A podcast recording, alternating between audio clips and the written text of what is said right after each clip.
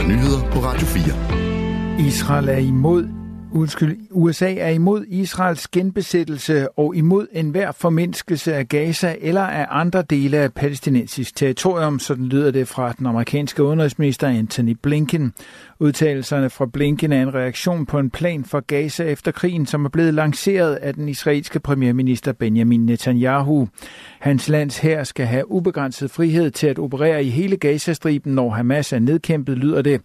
Gaza må ikke blive et sted, der kommer til at være platform for terrorisme. Der bør ikke ske en israelsk genbesættelse af Gaza, siger Blinken under G20-mødet i Buenos Aires. Blinken bekræftede USA's støtte til Israels ret til selvforsvar efter et angreb i går nær en jødisk bosættelse på Vestbreden, hvor tre palæstinenser skød mod tilfældige biler. En blev dræbt og otte blev såret.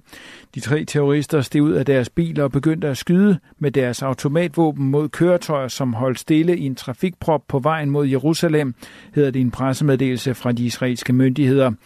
Israel siger, at terrorangrebet fandt sted nær Male Adumim-bosættelsen øst for Jerusalem. Situationen er særligt spændt på Vestbreden som følge af Israels krig i Gaza.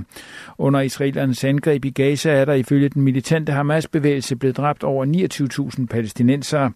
Den israelske regering siger, at dens mål er at nedkæmpe Hamas, som har svoret at udslette Israel som stat. Ukraines efterretningstjeneste siger, at det lykkedes at ødelægge et russisk A-50 overvågningsfly, det skriver nyhedsbruget AFP. Flyet blev skudt ned over det Azovske hav, som ligger ved Krimhaløen mellem Rusland og Ukraine. Endnu et værdifuldt russisk A-50 fly blev skudt ned over det Azovske hav, da det var på rekognoscering, siger Ukraines militære efterretningstjeneste. Tjenesten har på et kort indikeret, at flyet øjensynligt styrtede ned over det sydlige Rusland. Ukraines militære styrker har skudt et russisk BF A-50 overvågningsfly ned over Azovhavet, Azovhavet, meddeler det ukrainske luftforsvar. Oplysningen er ikke bekræftet af uafhængige kilder. Overvågningsflyet har en besætning på 15 og en karakteristisk radarantenne med en diameter på 9 meter.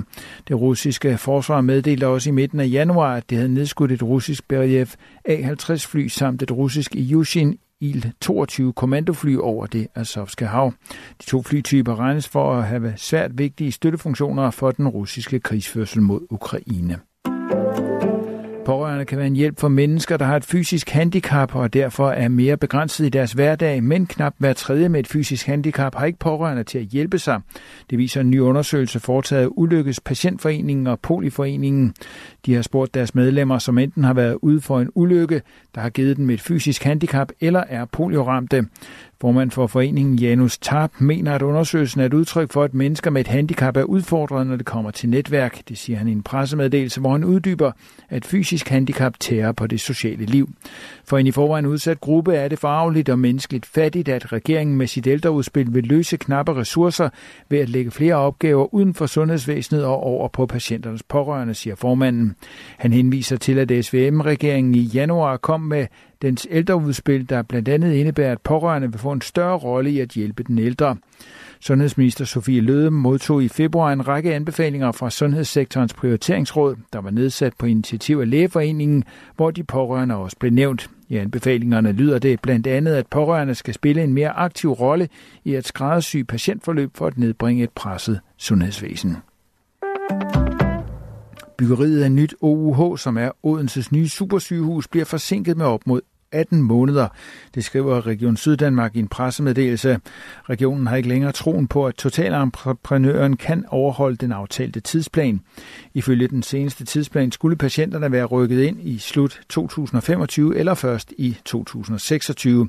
Den tidsplan holder ikke længere. I kvartalsrapporten er angivet, at en forsinkelse kan være på op til 18 måneder, men det er for tidligt at sige noget præcist, lyder det i pressemeddelelsen.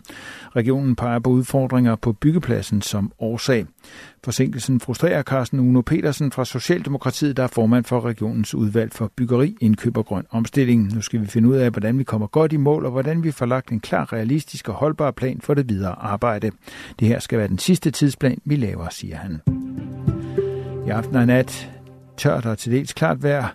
Temperaturer mellem frysepunktet og 4 grader varme. I morgen lørdag først mest tørt med lidt eller nogen sol, men i løbet af eftermiddagen mere skyder efterhånden spredte byer, der kan være med havl eller slud. Temperaturer mellem 4